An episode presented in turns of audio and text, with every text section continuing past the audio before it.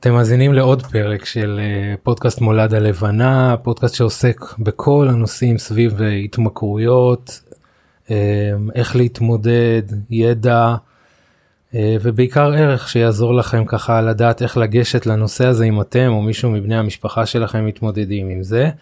והיום אני הולך לדבר על נושא שהוא בעיניי מאוד מעניין, שעמום. ואני אגיד גם למה. הנושא הוא שעמום כמובן. אה, אני שומע הרבה פעמים בקליניקה את המשפטים אני פוחד להפסיק לעשן אם אני אפסיק לעשן אז ישעמם לי מה אני אעשה בזמן הפנוי שלי אם אני לא אשתה. אה, אנשים כשאני שואל אותם מה מה מביא אותם לצפות בפורנו או לאכול אז אז אני שומע את, ה, את המילה שעמום ובכלל אנשים אומרים מה זה החיים בלי סמים אני אפילו לא רואה את זה איך זה קורה זה כל כך כל כך משעמם. אז היום נמצא איתי אה, אורח שזה תחום ההתמחות שלו. דוקטור גדי און שהוא חוקר ומלמד באוניברסיטה הפתוחה בעיקר בנושא השעמום ואם אני מבין נכון אז גם נושאים ככה שהם קרובים לזה ומסביב. הוא uh, פסיכולוג ושלום גדי. שלום ת... שלום אבי. תודה רבה שאתה כאן. בשמחה. ממש כיף. נצלול אולי uh, לתוך הנושא וקצת לפני זה uh, מה מביא אותך לעסוק דווקא בנושא הזה של שעמום. כן, אז אתה יודע בפסיכולוגיה נראה לי אנשים הם גם בוחרים את התחום שלהם והוא גם בוחר אותו. בוחר אותם זאת אומרת, זה הולך במקביל גם גם סקרנות הביאה אותי לנושא הזה מבין הנושאים שנחקרים בפסיכולוגיה חרדה דיכאון וכאילו הוא נושא שלא קיבל הרבה תשומת לב בשנים האחרונות אבל כאן תשומת לב מקצועית ומחקרית וגם מתוך חוויות החיים אתה יודע ככה אנחנו מגיעים לדברים אה, גם בתור נער מתבגר אני זוכר את עצמי בחופש הגדול עם החברים מסתובב לא יודעים מה לעשות עם הזמן שלנו. וגם אחרי זה הייתה לי תקופה של אבטלה בחיים. הייתה לי תקופה ככה של שנה וחצי של אבטלה, ואני זוכר את התופעה הזאת מופיעה שוב. את השעמום, ואז זה חיבר אותי, ואמרתי זה נושא מעניין. אני דיברתי עם שלום, אה, שלום הוא העורך, מקליט. אה, אחראי על כל הצד הטכני שבזכותו הזה כאילו דיברנו על שני דברים אחרים זאת אומרת אני הרגשתי לפחות שכשאנחנו מדברים על שעמום אני מדבר על משהו יותר מהותי והוא מדבר על זה שנגיד משעמם בשיעורים ואז כן. צריך לשחק במחשב בזמן הזה או לצייר. יש איזושהי הגדרה לשעמום? יש הגדרות לשעמום כמה שאתה יותר חוקר את זה אתה מבין שזו תופעה עוד יותר מורכבת ממה שנראית במבט ראשון. אבל הבחנה שאתה עושה היא נכונה. יש הבחנה עקרונית בין משהו שהוא קטן ופשוט כזה כמו משהו משעמם אותי. השיעור משעמם אותי התוכנית הסרט הזה משעמם אותי או מה שזה לא יהיה ויש שעמום שהוא יותר מהותי הוא יותר עמוק. אז לכן שניכם צודקים. רק אתם מדברים על סוג שונה של חוויה. השעמום שאתה מדבר עליו שהוא קשור למשהו יותר עמוק הוא כמובן יותר מעניין מבחינה פסיכולוגית גם כי בוא ניקח רגע את השעמום הפשוט שמשעמם לך בהרצאה או משעמם לך בסרט או אחר צהריים או שבת בבוקר או איך מה לעשות. קל לפתור את זה יחסית תעשה משהו או תמצא משהו. אבל אם הדבר הזה לא נפתר בקלות סימן שלך כבן אדם יכול להיות קשה למצוא איך למלא את הריקנות הזאת. וזה כבר הופך להיות תופעה יותר מעניינת מהותית יותר. אז מבחינת עניינים פשוטים של שעמום עניינים קטנים אם אתה מוצא משהו להתרגש ממנו להתעסק בו אם זה עובר בקלות אז זה נפתר בקלות. זאת אומרת אם זה באוניברסיטה יש מרצה משעמם אני פשוט אעבור מרצה ואני אחפש את המרצה המעניין יותר או אה, לא התכוונתי לפגוע כן. באף אחד כמובן. כן או שהסטודנטים שלי לא ישמעו עכשיו אתה יכול לא להגיע לשיעור אם הוא נורא משעמם אתה יכול לקרוא את החומר בבית אבל זה בלי בינינו. כן. אבל בעיקרון נכון אם, אם הסרט הזה לא מעניין תצא תלך לסרט אחר או תעשה משהו אחר אבל השאלה יותר מעניינת בשעמום היא שהדבר הזה לא נפתר בקלות ואתה מוצא את עצמך משתעמם באופן כמו כרוני או עקבי אנחנו קוראים לזה שעמום קיומי יותר. אם תרצה אחרי זה נפתח את זה יותר אבל זה, זה, זה שאלה של היכולת שלך למצוא משהו בשביל עצמך. בעולם הזה יש אה, ספורט מורכב יותר. אתה אומר את זה כאילו על הבן אדם של הבן אדם לא יכול למצוא כן, משהו קשה יותר קשה לו יותר קשה למצוא יותר, משהו כן אנחנו רואים את זה בכל מיני מישורים גם אצל נגיד מתבגרים. יש מה שנקרא שעמום הפנאי שזה מה שאתה חווה כשהזמן שלך לא מתמלא על ידי כל מיני גורמים חיצוניים או יש זמן פנוי על הידיים. יש מתבגרים שיותר בקלות מחברים את עצמם ומוצאים לעצמם משהו ויש כאלה שיותר בקושי. ומה מבדיל אותם אחד מהשני? לא, זה שאלה נורא עמוקה מבחינה פסיכולוגית. אז אם אתה רוצה אפשר להיכנס לזה אה, אבל יש שאלות שקשורות לערך עצמי ולהיכרות עצמית ולתחושה שכמו אתה יודע להחזיק את עצמך. אם אתה רוצה אפשר לפרט את זה. אז אולי לפני זה, כן. um, אתה יודע כשמדברים על פחד ועל תסכול ועל uh, אז יש איזה הרגשה שאנשים מכירים ככה מבפנים. כש- נכון. כשמדברים על שעמום זה משהו דומה לזה? כמו כל. אתה יודע מניפת הרגשות שלנו מצד אחד זה סובייקטיבי וכל אחד חווה את זה אחרת ומצד שיש גורמים משותפים שהם משותפים לנו אחרת לא היינו יכולים לדבר על זה ביחד כי לא היינו מתכוונים לאותו דבר. אז השעמום הוא כמו הוא כמו שמחה וכמו עצב הוא כמו פחד וכמו רגשות אחר, אחרים שיש לנו. יש בו מרכיבים קוגניטיביים שכליים שאתה מפרש את המציאות או את הגורמים שמה שמביא אותך להרגיש את זה ויש חוויה רגשית שהיא כמו התחושה של זה ו- ואתה יודע מה עוד עוד דבר ביחס לשעמום כי אני, אני מרצה להורים ותמיד עולה השאלה איך לפתור את זה או איך לצאת מהשעמום לפני שאנחנו מנסים לפתור אותו בוא נקבל אותו קודם בתור אחד מהרגשות שאנשים מרגישים בתוך החיים שלהם. אנחנו לא רוצים למחוק את הפחד או את השמחה או את העצב מהחיים אלא לדעת להתמודד איתם לשאת אותם אותו דבר השעמום. וגם מה שדיברנו קודם היכולת שלך אחרי זה למצוא משהו בשבילך ולהתחבר אליו. קודם כל אתה צריך לקבל את זה. אתה צריך לקבל את העובדה שזה שמשעמם לי. כן זה מצב בחיים החיים לפעמים משעממים. יש יש משפט משיר שאני אוהב של ג'ון ברימן שאומר החיים רבותיי הם משעממים אסור להגיד את זה. אבל אסור להגיד את זה כאילו חייבים כל הזמן להיות עסוקים כל הזמן בהתרגשות כל הזמן לא זה לא נכון. יש מצבים שבהם החיים משעממים אתה צריך להכיר את עצמך גם במצב הזה ובעיקר לא להיבהל ממנו ולא לפחד ממנו. כי מה שקורה הרבה פעמים זה כשאנשים מרגישים את החוויה הזאת ואם אתה רוצה יש סיבות עמוקות לזה גם תרבותיות של איזה חברה אנחנו חיים. מרגישים את החוויה של השעמום את ההתרוקנות הזאת היא יכולה להיות מקומית כזה אחר הצהריים או איזה בוקר פתאום שאתה לבד או לא מוצא משהו בשביל עצמך. ומרגישים דחף חזק למלא את המקום הזה ישר. להתעסק במשהו לעשות משהו להתרגש ממשהו זה מבהיל המקום הזה הוא מפחיד אותם הריקנות הזאת. הם נדחפים לעשות משהו. כשזה לא עובד הסיבה היא שאתה אתה צריך קודם כל לקבל את העובדה שיש גם כאלה מצבים יש גם כאלה רגעים בחיים להכיר את עצמך כשזה קורה ולא להיבהל מזה. מאיפה באמת מגיע הפחד הכל כך גדול מלהיות במקום הזה? אז יש לזה המון סיבות. נתחיל עם סיבה תרבותית או חברתית אנחנו חיים בתרבות שהיא כמו מקדשת פרודוקטיביות. יצ... יצ... production יצירה עבודה תוצרים מחנכים אותנו מבית ספר ממה זה בית ספר מלמדים אותך לעבוד עם ילדים אחרים ולפתור תרגילים להגיע לסוף ה... אה, לייצר לייצר וגם עבודה ויש כאילו בגלל שאנחנו חיים בתרבות שהיא כולה מבוססת על עבודה ועל יצירה יש איזה זלזול או אפילו סטיגמה לבטלה ולמנוחה. מה אתה עושה אני נח חס וחלילה מה זה נח. אפילו ילדים קטנים כשאתה יודע חיים עם ההורים שלהם בבית כמה פעמים רואים את אבא יושב על הספה ובאים שואלים אותו אבא תגיד מה אתה עושה אני נח רגע עם עצמי אני בשקט עם המחשבות שלי אנחנו לא רואים מצבים כאלה. יש לנו אותם כשאנחנו ילדים. נדנדה זה דוגמה טובה לזה ילד יושב על הנדנדה. כאילו הוא מתנדנד הוא נותן מרגיש כאילו אתה יודע משיכה של כדור הארץ הוא נע לו כזה עם המחשבות שלו לא הוא קיים פשוט קיים כשאנחנו מתבגרים זה נמחק מהחיים שלנו. אז הקושי הראשון עם לחוות את השעמום ולקבל את השעמום הוא העובדה שדורשים מאיתנו כל הזמן לתת תוצרים. וזה מלחיץ אגב התמכרויות. מלחיץ כל הזמן להיות צריך לתת תוצר לפעמים אתה רוצה שהחיים לא יחזיקו אותך כל כך חזק בגרון אתה רוצה משהו יותר כזה. סמים משחקי מחשב אינטרנט אה, סיגריות זה הרגע שלך שאתה כאילו שם עצמך כמו מסך ואתה אומר החיים עדיין נמצאים שם איפשהו אבל הם פחות מחזיקים אותי בגרון. עכשיו זה כאילו הזמן שלי.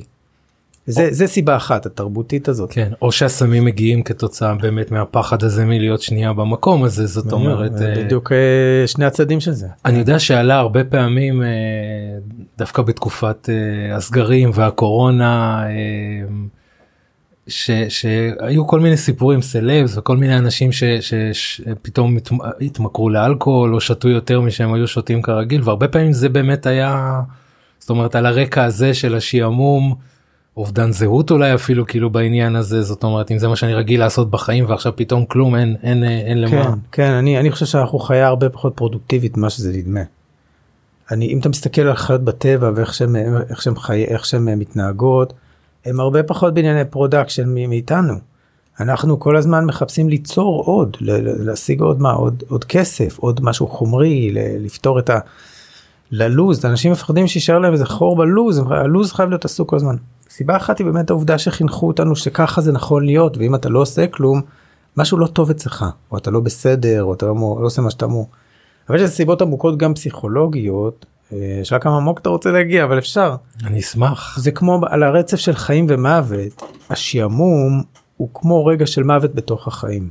עכשיו אף אחד לא יכול לנצח את המוות, אתה יודע, המוות הוא כמו, צריך להשלים איתו, אבל הוא צריך, צריך לקבל גם את, הרג, את העובדה שיש רגעים כאלה, שזה מת, מה שקורה, לא ה... כן, כן. שיש מוות בתוך החיים, ולא להיבהל מזה, כי זה מראה לך משהו לא נעים לגבי המציאות הזאת, שתכלס, אם אתה משיל מעצמך את התפקיד שאתה עושה, ואת העבודה שלך, ואת. הזהויות השונות שלך וכל הדברים האחרים, כאילו איזה מטרה או איזה תכלית בסופו של דבר יש לחיים האלה. כאדם חילוני אני אומר לך, אין להם שום תכלית. אתה בא, אתה עושה את הסיבוב שלך ואתה הולך, וזו מחשבה נורא מפחידה, שברגע פתאום דברים מאבדים מהמשמעות שלהם. וזה גם מלחיץ אנשים למלא משמעות בכוח, להכניס משהו, ללוז, לעשות משהו.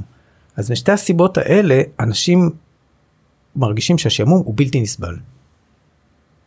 יש משהו שהוא באמת פיזי אפילו הוא מרגיש כ- כמשהו מאוד מאוד כואב כזה או כן אני... זה מה שמבחין אותו מדיכאון נגיד זה שני זה שתי רגע שתי חוויות שהם הם באותה שכונה נגיד או באותה סביבה אבל הן שונות אחת מהשנייה כי השעמום הוא מעצבן הוא מלחיץ והדיכאון הוא לא הוא כאילו מתסיס השעמום משהו מעצבן.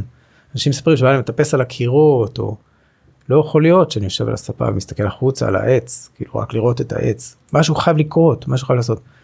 וגם ציפיות יש לנו בשמיים אנחנו רואים בתרבות השפע אתה יודע שכל יום נותנים לנו משהו חדש גדג'טים שדרוגים זה כל יום יש משהו חדש חייב להיות להתחדש ולהיות מסעיר ומרגש. אנחנו קונים בקניונים קניונים מה שהם עושים הם משחקים עם הזמן אתה מתבלבל אתה נכנס באביב הם כבר בקיץ אתה נכנס בסתיו וכבר בחורף הם כאילו מכווצים את הזמן וכל הזמן אתה נזרק לתוך העתיד. ויש לנו ציפיות שהחיים יהיו אוסף אתה יודע, מתמשך של חוויות מסעירות ורגעים אה, דרמטיים וזה מה שמוכרים לנו גם בסרטים ולפחות אלה שמגיעים מהוליווד. אז, אז לא, לא פלא שאנשים חיים בתחושה של להיות יודע, משועמם שעה בבית זה רע. משהו לא בסדר איתי. כן.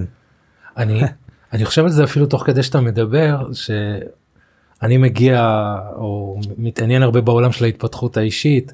ושם יש איזה הערצה כזאת כאילו לאלה שקמים בחמש בבוקר כן. וב-12 בלילה עדיין הם רק באמצע התעסוקה שלהם ובין לבין כמובן שאין להם את הדקה הזאתי של, ה...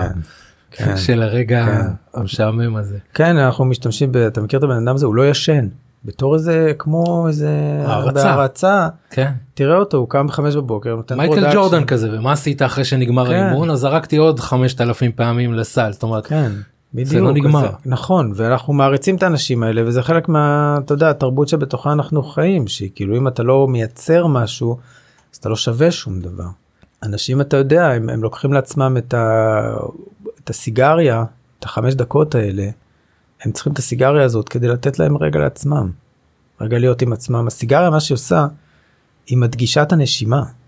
אתה מכניס אוויר אתה מוציא אוויר עשן כאילו כן. מכניס מוציא אתה רגע נושם. אתה כאילו עושה מדיטציה. כן בדיוק. אתה רגע עם עצמך רגע נושם העולם קצת אפשר להרחיק אותו טיפה מה זה אתה אמור לתת להיות מסוגל לתת לעצמך את הדברים האלה גם בלי סיגריה.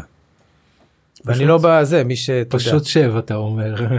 כן, מותר כן, לשבת כן, ולא בדיוק, לעשות כן, כלום. כן, אבל זה מדהים כמה זה קשה. כאילו זה מדהים כמה זה קשה לשבת רגע ולא לעשות כלום. מדהים כמה זה מלחיץ. ו... ואז אנשים מרגישים שיש משהו רע במה שקורה אז הם חייבים כל הזמן למלא את, ה, את, ה, את הלוז במשהו לעשות משהו גם אין להם גם איבדנו את הסבלנות שלנו. אמ, איבדנו את הסבלנות וזה קשור לזה שאנחנו לא יודעים רגע להיות עם עצמנו בשקט. אתה יודע נגיד יצירות קלאסיות מוזיקה קלאסית שיכולה להתפתח ולהשתנות לעלות ולרדת ויש סיפור שלם במשך אתה יודע חמש שש דקות מי יכול לשמוע את זה היום. מי יכול להקשיב לזה? אה, צעירים במיוחד הם רוצים את הכל צ'יק צ'אק ושיקח כמה שניות לא כמה דקות. אז הם רוצים אוסף של רגעי שיא כאלה יש יש אפליקציה שנקראת טיק טוק אולי אתה מכיר? מכיר. אז הטיק טוק הוא מין אתה מדפדף במין אוסף של רגעי שיא כאלה.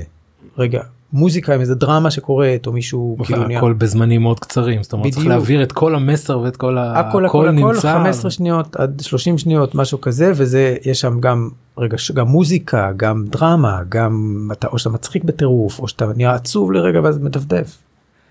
אבל זה לא משהו השעמום זה לא משהו שמתחיל דווקא בעידן שלנו נכון שמעתי פשוט אני אומר ככה כי שמעתי אותך וזה כן. מאוד מאוד עניין אותי דיברת על נזירים. טובה. זהו כן זה שאלה טובה מתי התחיל השעמום מה, ש, מה שמפתיע קודם כל זה שהמונח שעמום באנגלית בורדם הוא חדש זה מה 200 שנה האחרונות 150 שנים האחרונות. וזה תוצאה של הקפיטליזם והמהפכה התעשייתית וה, וכלכלת הכסף שהתפתחה וכן הלאה. לפני זה יש לנו מונחים אחרים מלנכוליה ואונווי בצרפתית וכל מיני מילים אחרות אסידיה ביוונית שאנחנו חושבים שמתארים חוויה דומה אבל זה לא בדיוק אותו דבר זה לא איך שמרגיש הבן אדם בחברת השפע המודרנית זה רגשות אחרים. הפעם הראשונה באמת שאנחנו שומעים על משהו דומה לזה זה עם הנזירים זה בתקופה של תחילת הנצרות פה בסיני.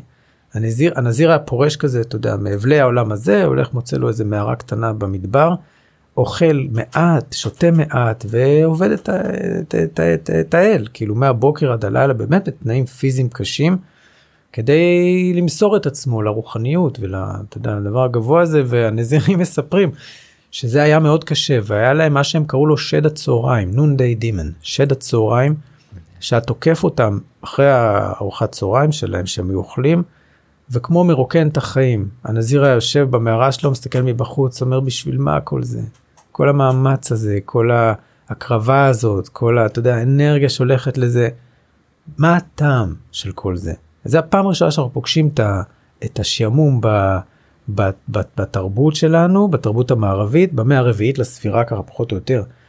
התופעה הזאת הייתה כל כך בעייתית אני יכול להסביר גם למה מכיוון שאם בן אדם קם בבוקר ומסתכל על העולם ואומר מה הטעם של כל זה והוא דתי אז הוא כאילו לועג לאלוהים. כאילו מה אלוהים בנה כזה עולם שאתה יצר כזה עולם שאתה לא מצליח לראות מה מעניין בו משהו לא בסדר איתך אתה לועג עליו.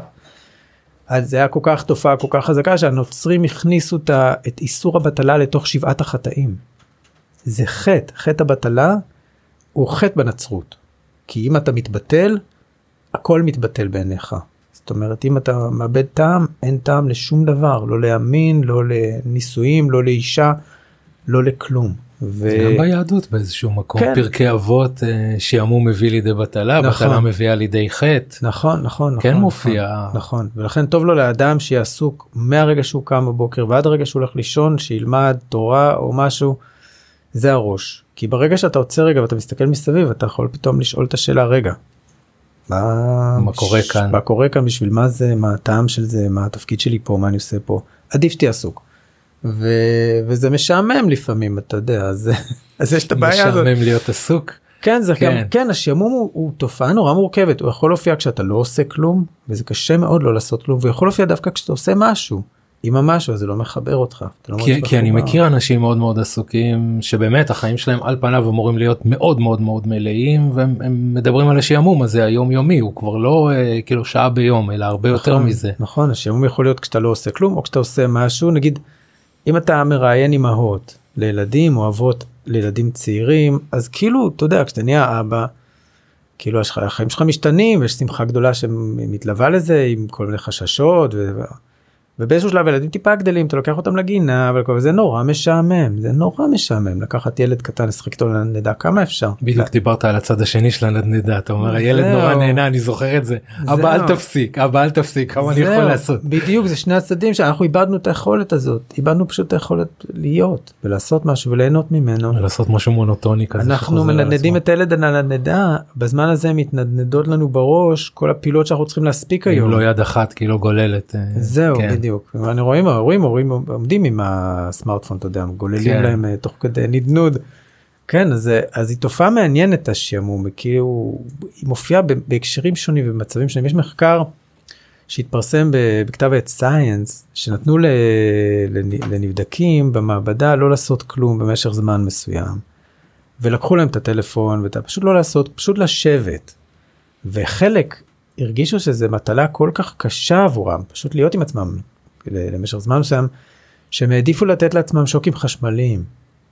נתנו להם את האופציה את לבחור האופציה לבחור בין שוק והם חשמלי. העדיפו לתת לעצמם שוק חשמלי מאשר לא לעשות כלום. וואו. זה מדהים. מדהים.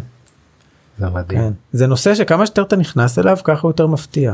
באושר שלו במגוון שלו. אני שומע גם ככל שחשבתי ואתה יודע גם כששיתפתי אנשים שאני הולך לה- להקליט על זה פרק ביום ראשון אתה פתאום קולט עד כמה זה אמ, וזה מעניין כי אנחנו בסופו של דבר חיים היום בעולם שעל פניו לא צריך להיות משעמם זאת אומרת אנחנו חשופים כמעט לכל הדברים שאפשר לי, ל- לעשות אותם.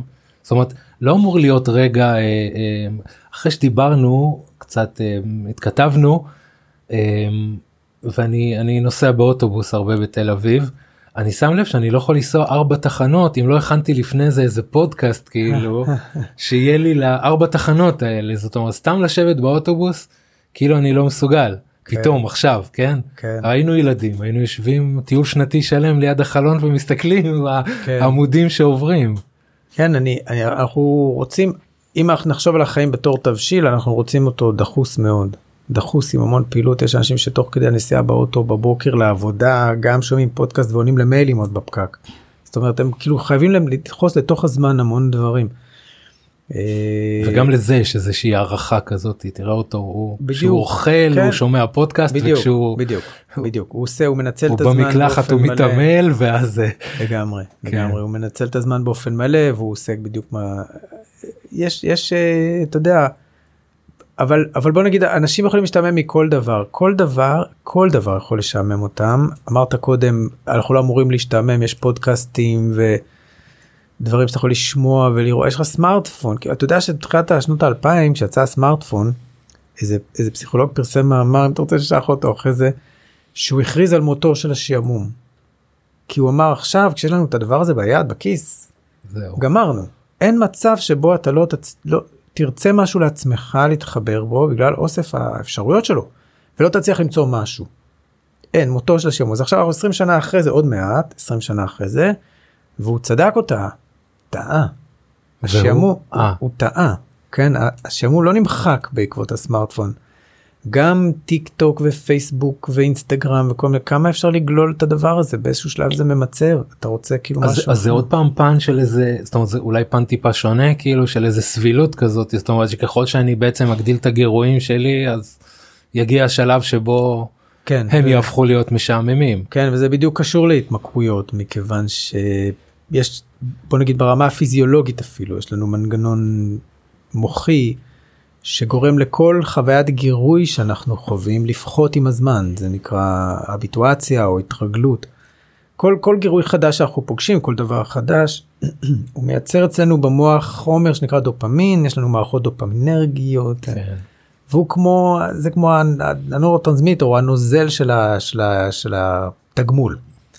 עכשיו אם אתה חוזר על אותו ריגוש כמה פעמים ההפרשה פוחתת ואז אתה מתרגל לגירוי ומפסיק להתרגש ממנו זה הופך להיות אוטומט במקום אה, בדיוק ואז אתה צריך ריגוש חזק יותר או קצת שונה כדי לייצר את אותו דופמין שבעצם כן, ייצר את קודם. אותה תחושה של קודם. של אז נגיד קודם. אם אתה חושב נגיד על אה, אלכוהול ועל בחור על בחור אה, צעיר ששותה כוס יין אדום באיזה ערב בבית ופתאום ה- הוא מקבל את ה... אמרנו כמו החיים נמצאים שם אבל פחות מחזיקים אותי בגרון.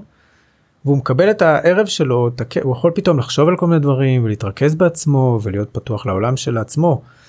והוא כאילו צריך לשים את העולם על הפסקה לרגע בערב הבא זה כבר לא יעבוד עם אותו דבר עם כוס יין. צריך משהו אחר או שתיים. קצת בדיוק לחילופין. ולאט לאט לאורך זמן כדי לחזור לתחושה הראשונית הזאת כאילו של ה- שאתה מרגיש עטוף וכמו מכוסה. אתה תצטרך להגדיל את הכמויות שאתה משתמש בהם ואתה עדיין לא תצליח ממש להגיע אליה. מעניין. שמעתי אותך מדבר על הקשר שבין שעמום לבין יצירתיות. כן. האמת זה זה תחום מחקר שהוא קצת בחיתולים שלו יש השערות כרגע יותר אני לא יכול ממש ממצאים שמראים את זה אבל יש יש יש חוקרת אנגלית אה, שנקראת אה, סנדי מן שזה הכיוון שלה זה הרעיון שלה והיא טוענת שעמום עצמו לא מוביל ליצירתיות אבל אם תוך כדי זה שאתה מרגיש את השעמום אתה מרשה לעצמך כמו אתה מרשה למחשבות לנדוד אתה מרפה ואתה נותן למחשבות שלך לנדוד יכולות להפוך, להופיע שם מחשבות יצירתיות מאוד ביחס למחשבות שמופיעות כשאתה עסוק במשהו. אז אז mind wandering זה נקרא באנגלית או נדידת מחשבות היא מצב שיכול להוביל ליצירתיות והיא עשתה כבר כמה מחקרים שמראים את זה אבל זה עוד די בחיתולים בוא נגיד התחום הזה. אה, אם, אם אתה רוצה כיוון מעניין של זה, הרבה אנשים משרבטים כשהם משעמם להם. נגיד הם יושבים בהרצאה או יושב באיזשהו מקום, ישיבה בעבודה, כן? אז הם יושבים מתחילים לקשקש על הנייר. אז על הלקשקש הזה, זאת הדרך לתת למחשבות לנדוד. אין לך איזה תוכנית של מה שאתה הולך לצייר, או איזה, אתה לא בתוכנית עכשיו, אין איזה אוסף פעולות שאתה חייב לעשות אותם, אתה כאילו נותן לדבר הזה לזרום. לצאת מתוכך, להוביל אותך קצת, ואתה מוביל אותו קצת, וגם גם השרבוטים האלה, הם, יש להם פן יצירתי. אה, וגם באומנות אגב, גם בתולדות האומנות, יש תחום מחקר כזה שעוסק בשרבוטים של ציירים גדולים. והאופן שבו אפשר לראות כמו ניצנים של רעיונות גדולים שהיו להם בשרבוטים בצ, בצדדים של ה, אתה יודע, הפנקסים והדפים שלהם. מעניין. כן, אז בהקשר הזה נדיד, בכלל נדידת מחשבות היא כנראה דבר טוב. שוב אמרנו, אתה יודע, שב על הספה בבית, תסתכל החוצה מהחלון, תראה את העולם. כאילו, הוא, יש בו איזה יופי מעצם העובדה שהוא כאן, שהוא, אתה יודע, שה, שהוא נראה כמו שהוא, בלי שאנשים עושים ממנו משהו, מייצרים ממנו משהו, וגם אז אתה יכול לתת למחשבות לנדוד. וזה מאוד בריא. אני אני עוד שאלה ככה יש יש אנשים שהם לא משתעממים יש דבר כזה או, או זה סוגים מסוימים של אנשים שיותר משעמם אתה יודע אני יודע שבין ילדים זה הרבה פעמים מאוד uh, נפוץ. יש את הילדים שיודעים להעסיק את עצמם נכון. ויש את הילדים של אבא משעמם לי אמא משעמם לי כל הזמן. תראה תחושת של תחושה של מיצוי מה שאתה עושה יש לכולם אין דבר כזה שמישהו אין לו תחושת מיצוי. אז תחושת מיצוי מה שאתה עושה יש לכולם ולכן במובן מסוים כולם יכולים להרגיש שעמום כל אחד אז באמת יש את ההבדל במה שאתה עושה עם זה. בין אלה שמרגישים את הדבר הזה לא נבהלים ממנו נותנים לו להיות נוכח איזה זמן מסוים ובאופן טבעי כזה פונים לאיזשהו עיסוק אחר או מוצאים משהו לעשות. זה הכרחי להיות מסוגל להרגיש את השעמום בלי להיבהל ממנו כדי לעשות אחרי זה את הפנייה הזאת ולהתחבר למשהו אחר. לעומת אלה שפחות מצליחים, שהשעמום מבהיל אותם, מלחיץ אותם, ואז הם פחות עושים טוב את המעבר הזה לדברים אחרים שהם רוצים לעשות, ו... ואלה חווים שעמום בצורה קשה יותר. איך, איך באמת מישהו מסוגל לסגל לעצמו את, ה... את היכולת הזאת להשתעמם? זו שאלה של שאלה ענקית האמת כי מי שיש לו את היכולת. בוא, בוא נפתח את זה מי שיש לו זה שאלה נורא מעניינת מבחינה פסיכולוגית וכמו כל התהליכים הפסיכולוגית היא נורא מורכבת כי היא התפתחותית בסופו של דבר זה משהו שאתה חווה אותו עם השנים ולאורך כל החיים אתה משכלל את הציוד שלך שמאפשר לך להיות רגע עם עצמך בלי להילחץ מזה להיבהל מזה ואחרי זה למצוא איזה אחיזה מחודשת איזה חיבור מחודש. עכשיו מה שהמחקר מראה באופן עקרוני כדי להיות מסוגל להסתובב בעולם כמו שחקן שזה מגרש המשחקים שלו. ויש הרבה סוגים של נדנדות דיברנו וכל מיני אמצעים אחרים להתעסק בהם והוא יכול להסתובב ביניהם רגע הוא פה רגע הוא שם הוא גם יכול להיות באמצע בין דברים בלי ללחץ מזה. כדי להיות מסוגל להסתובב בעולם בצורה כזאת אתה צריך בגדול שלושה דברים שמתפתחים מהרגע שאתה נולד. אתה צריך קודם כל תחושה ש... שאתה מוחזק מה הכוונה מוחזק. תחושה שאתה מוחזק הכוונה מין זה מין תחושה פה בבטן שלא משנה מה. קח אותי ימינה שמאלה לאן שאתה רוצה אני אמצא משהו בשביל עצמי בעולם הזה. זה מין שכנוע פנימי איזה תחושת איזה מין אמונה כזאת שיש לך. זה כמו קיימות כזאת כאילו זאת אומרת זה, זה, זה התחושה ש, שאני אני קיים למרות שאין לי מה לעשות עכשיו או כן זה, זה, זה במובן הזה זה תחושת ביטחון כזאת כן זה מין תחושת ביטחון ש... שמאפשר לך לא להיבהל כשהחיים מתרוקנים לרגע כי אתה יודע שאתה תצליח למצוא משהו בשבילך כן בעולם הזה אה, ולא נזרקת. רק בגלל הידיעה שאני אמצא משהו או מעצם זה שאני פה והכל בסדר זאת אומרת אה, התחושה שהכל בסדר נובעת מזה שאתה אתה, אתה כאילו יש לך איזה שכנוע פנימי שהעולם הזה הוא מספיק מסודר ומספיק מאורגן ואתה מאמין בעצמך ובו שאם ייתנו לך להסתובב קצת אתה יכול למצוא משהו בשביל עצמך. זה לא דוחף מקים אותך ישר מהספה לחפש משהו כי אתה בטוח שזה יכול לקרות. אפילו אתה, אתה יודע אני זוכר כזה בתור ילד שבת בקיבוץ אצל איזה דודה. קיבוץ בתור ילד מהעיר מה תעשה בקיבוץ הזה. אם אתה מסתובב עם תחושה שלא משנה מה אם אני אעשה פה כמה סיבובים אני אמצא משהו זה מרגיש אחרת. אז זה הדבר הראשון זה מין תחושה כזאת ש, שאתה לא נופל שהחיים מחזיקים אותך. תחושה נוספת היא תחושה של ערך עצמי. ערך עצמי, יש איזה מילה נורא גדולה, אבל בגדול בהקשר הספציפי הזה זה משהו קטן יחסית. זה מין תחושה שיש משהו שאתה יודע לעשות טוב בעולם הזה.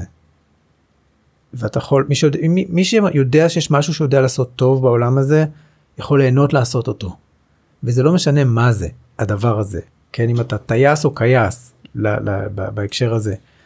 משהו שאתה יודע לעשות טוב. נישה משלך. וזה נותן לך תחושה של ערך. ותחבר אותה לתחושה הקודמת, של האמון, שאתה אמון בסיסי כזה, כן, שאתה תמצא משהו בשביל עצמך, ואתה כבר מצויד בכלים שמאפשרים לך לשאת את השם יותר טוב, ואתה יודע, אחר כך לפעול בעולם בצורה שמוציאה אותך מהשם אם אתה רוצה. ותחושה שלישית היא תחושה של היכרות עצמית, שהיא מתפתחת הכי לאט למעשה, כי אנחנו כל החיים לומדים יותר טוב להכיר את עצמנו. שום דבר הוא לא משעמם כשלעצמו, אובייקטיבית. שעמום הוא לא דבר אובייקטיבי. ו... ואני לא מתכוון רק לזה שיש חוסר הסכמה בין אנשים לגבי מה מעניין ומה משעמם. אני מתכוון לזה שהשעמום הוא כמו אתה יודע ילדים אומרים אין מה לעשות העולם לא מתרוקן אף פעם הוא מתרוקן רק בחוויה. השאלה איך אתה יודע לעשות את החיבור בין מה שאפשרי כרגע מסביב לבין העולם הפנימי שלך. מי שיודע לעשות את החיבור הזה זאת אומרת למצוא משהו שם ממה שקיים כרגע מהאפשרויות שקיימות בשביל עצמו אז זה מצריך היכרות עצמית אתה מבין כן אז קח את הילד ההוא בקיבוץ שמסתובב מצד אחד יש לו אמון בסיסי הוא יודע שהוא בטוח ימצא משהו הם תנו לו להסתובב לא חשוב איפה. מצד שני יש דברים שהוא יודע לעשות היטב הוא יודע לעבוד עם מקלות הוא יודע לרכב על אופניים יש דברים שהוא יודע לעשות כמו שצריך טוב מאחרים אפילו. ובסוף הוא מכיר את עצמו מספיק טוב שאם הוא יסתכל מסביב ויתחיל להסתובב שם בקיבוץ הוא יזהה את הדבר שהוא יכול לעשות אותו. אלה כמו זה כמו הציוד הפסיכולוגי שמאפשר לנו אחרי זה כמו אתה יודע להיות מסוגלים כמעט בכל סיטואציה ובכל מצב למצוא משהו שיחזיק אותנו בלי שאנחנו נופלים פנימה לתוך שעמום שהוא קשה כזה ומעיק. לי בראש זה התחבר ככה כמו זאת אומרת שאם יש לבן אדם את שלושת הדברים שאתה דיברת עליהם קודם זה יכולת לעבור משברים לדוגמה. כן. ו- ופה אתה מדבר איתי אפילו על איזה שעמום אה, זאת אומרת יש בזה איזשהו שבריר משבר כזה בשעמום? כן. רגע שנייה אני פה עכשיו מה עושים לאן זה הולך? כן לגמרי אני אני חושב שאני נותן מספיק קרדיט לשעמום שכשאנשים חווים אותו הוא מראה להם משהו שהם לא רוצים לראות אותו. ולכן הם נורא כזה נדרכים למלא אותו את הריקנות הזאת יש בה משהו מאוד למרות שהיא לדקות כאילו. אפילו לדקות. זה כל כך נורא. תראה זה, זה לא, יכול להיות כל זה כך. יכול להיות נורא כן. אם אתה לא לומד לחיות עם זה ולקבל את העובדה הזאת שלפעמים העולם ריק ואין מה לעשות באותו רגע אה, למי שלא מקבל את העובדה הזאת ומרגיש ני... בלחץ לעשות משהו ולמלא זה יכול להיות חוויה מאוד קשה. ואני לוקח את זה גם לעניין האישי ושגם אני בסדר גמור כן גם אם אני לא עושה בדיוק. כלום עכשיו בדיוק ככה גם אם אני לא פרודוקטיבי גם אם אני לא זה בדיוק אני אני ממש בדיוק. בסדר נכון זה ככה זה כמו שכשאני מרגיש עצוב אני בסדר וכשאני מרגיש שמח אני בסדר כשאני משתעמם אני בסדר. הכל בסדר צריך ללמוד לח, לח, לחוות את החוויה הזאת בלי לחסל אותה או ישר אתה יודע למחוק אותה. ואם אם רכשת את הציוד שצריך לאורך השנים אתה מתחזק אותו כמו שצריך אתה יודע גם בסוף שאתה תמצא משהו אז זה פחות מבהיל. עדיין אתה אומר זה יכול להיות לא נעים אבל לא מבהיל ברמה נכון. הזאת של מהר תביא לי נכון. בקבוק אה, אלכוהול כדי נכון. שאני לא ארגיש את הלא נכון. נעים הזה. אם אתה יכול לקחת רגע של שעמום ולהפוך אותו למנוחה תחשוב על זה רגע זה יכולת גדולה. נגיד אתה צריך כש- לחכות בתור אני לא יודע לאיזה משהו אתה יודע יכול לקחת לפעמים שעות. אז אתה יודע מה עובר לי בראש ישר יש לך מה? פודקאסט כאילו לשמוע בזמן הזה. כן כן. אני אני זוכר שדיברו על זה שיש איזה תופעה ש, שנעלמה כאילו עם, ה, עם הסמארטפונים וזה הבהייה. זאת אומרת שאנשים לא בוהים יותר. היית נכנס לתור לרופא ולא נעים כל כך להסתכל אחד על השני אז אנשים פשוט היו בוהים באוויר. לגמרי מישהי כתבה על זה עבודה בבצלאל באומנות. שהיא מראה אנשים שמחכים בתור פעם שנות החמישים שישים להיום. באוטובוס בתור לצרכניה ווטאבר בתור לקופת חולים כאלה ובאמת פעם אנשים היו פשוט עומדים בחלל אתה יודע מסתכלים מבט באיזה. מקום מבט באיזה מקום בחלל ו- וזהו וככה היו כאילו לחוות את החוויה הזאת היא הרגישה להם חלק בלתי נפרד מהחיים והם הם למדו לחיות איתה. והיום זה ישר סמארטפון ואוזניות ו- וגירוי, להכניס גירוי לתוך התודעה. ואנחנו מוצפים בגירויים ברמה כזאת שאנחנו מאבדים את היכולת לשאת שקט, או חוסר שינוי, או מונוטוניות לאורך זמן. יכולת שאנחנו נולדים איתה, אמורה להיות לנו כזאת. אמורה להיות מה היכולת יכולת, כן, אמורה להיות לנו יכולת לשאת חוסר, חוסר פעילות, שקט, חוסר שינוי לאורך זמן. זה מעניין כי כשמדברים על הקורונה למשל אז אז יש אנשים שהרגישו שהם מאבדים את עצמם ממש בזה ויש כאלה שיכלו ליהנות למשל מהחופש. ויכול להיות שהשלב הבא זה שאם אני מספיק נותן לעצמי להשתעמם אז אני גם אוכל להמציא את עצמי מחדש לפי זה זאת אומרת ויש כל אלה שהמציאו את עצמם בשלב מסוים מחדש כן. זה מעניין כן, אני חושב שגם להיות יצירתי ביחס לעצמך, אתה יכול, אם אתה יודע לשאת את השעמום בלי להיבהל ממנו וישר, אתה יודע, לעשות משהו, אפשר להיות פרודוקטיבי. אני חושב שגם אז אתה יכול להיות יצירתי ביחס למי שאתה ומה שאתה עושה בעולם הזה. מעניין אני עוד פעם לוקח תופעה שהייתה הרבה יותר גדולה כמובן אבל אני חושב שחלק מהאנשים שאיבדו מה שהיה קשה להם יותר אפילו אולי מהנושא הכלכלי זה היה העיבוד של הזהות הזה רגע שנייה אחת אם כן. אני מסעדן ואני רגיל כל יום להגיש כן. אוכל לאנשים לקבל מחמאות כן, ועכשיו כלום כן, זה קשור גם להתמכרויות אגב, כי הזהות שלך כאדם שהוא משתמש היא שונה מהזהות שלך כאדם שלא. אתה צריך לעשות איזה שינוי זהותי שם. ולאחרונה גם לגבי פנסיה נאמר, כן, או גיל מבוגר שבהם, אתה יודע, עבדת הרבה שנים, היו צריכים אותך, שאלו אותך, התייעצו איתך, יום אחד אתה יוצא לפנסיה, אף אחד לא צריך, אף אחד לא מתעניין בדעתך מתעניין. יותר, ואתה מוצא את עצמך גם עם המון זמן על הידיים, וגם עם השאלה מה אני עושה עם הזמן הזה, ומי אני, מי אני? שאלות זהותיות, כן. אני חושב שבאיזשהו מקום התמכרות גם מגיעה כדי לשכך את המקום הזה זאת אומרת לא להרגיש אותו זאת אומרת ברגע שזה מגיע אוקיי לא נעים פה באיפה שזה לא יהיה בגוף. ואז אני מהר אשתה כדי להרגיש טיפה יותר טוב וכמובן עוד פעם שמגיע כל ה... נכון, בהתמכרות באמת יש, יש מעגל, יש מעגל שבו תראה באיזשהו שלב אתה כבר לא אוהב את הזהות שלך בתור מי שמשתמש, רוב המתמכרים לא אוהבים לא את אוהבים. המקום שהם נמצאים בו ואת המצב שבו הם נמצאים בו, אה, וכדי להפסיק, כדי להיות פחות מתמכר אתה צריך עוד פעם לעבור שינוי זהותי. הדבר הזה הוא כל כך חלק מהזהות שלך, ככה ממי שאתה, שאתה צריך לחשוב איך אתה מגדיר את עצמך זה. זה כן גם, גם במובן הזה אבל אני חושב שגם במובן של הפחד מ- מהרגע הזה שאני אהיה שנייה אחת אה, בלי זה או כן. לבד או בלי כלום ואז מה אני עושה עכשיו. כן, כן, כן, נכון. לגמרי. מעניין. אני חושב, אה, אני חושב שלהשתמש, אתה יודע, להשתמש ב... החל מילדים, להשתמש במשחקי מחשב, יש התמכרות למשחקי מחשב ואינטרנט. לגמרי. ו... ודרך אה, סמים, סיגריות וכל החומרים הממכרים האחרים, להשתמש בזה כדי להפיג את השעמום, בוא נגיד את זה ככה, עדיף ללמוד לחיות עם השעמום, מאשר להשתמש ישר בחומרים האלה או בדברים האלה כדי לסלק אותו. כי אז זה מכניס אותך לתוך מעגל שבו אתה צריך אותם יותר ויותר. לגמרי. לגמרי רק שזה בדרך כלל לצערנו קורה בשלבים שאנחנו עוד לא מספיק אה, מודעים כי באמת הרבה פעמים אני זוכר ככה בהתחלה שליוויתי אנשים זה באמת היה כאילו אין לך דברים יותר טובים לעשות כשמשעמם לך.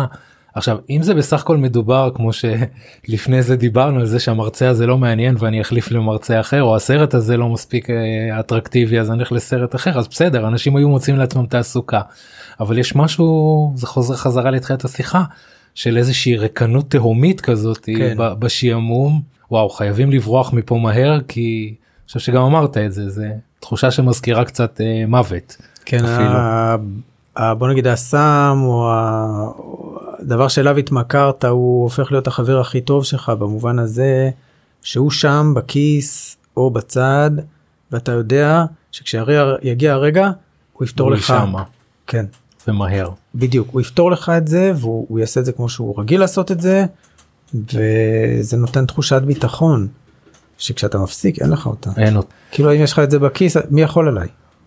לגמרי. לגמרי. וואו תודה. אני חושב שעלו פה מלא דברים יש לי ככה עוד הרבה אה, הרבה ככה מה מה גם לחשוב גם אני יוצא מפה עם הרבה חומר לחשיבה וגם אה, גם הרבה תוכן ש, שמעניין קודם כל מרתק ומעניין משעמם לא היה זה בטוח. אתה בטח שומע את הבדיחה הזאת כל הזמן. כל הזמן. כל הזמן. אז uh, תודה רבה דוקטור. גדי און. תודה לך. אה, רק אה, מי שרוצה ככה לשמוע אותך לראות אותך איפה אז אה, יש לי אתר אינטרנט כמובן, גדי און, ואפשר למצוא אותי בפייסבוק ובאינסטגרם. וואו תודה איזה כיף שמחתי.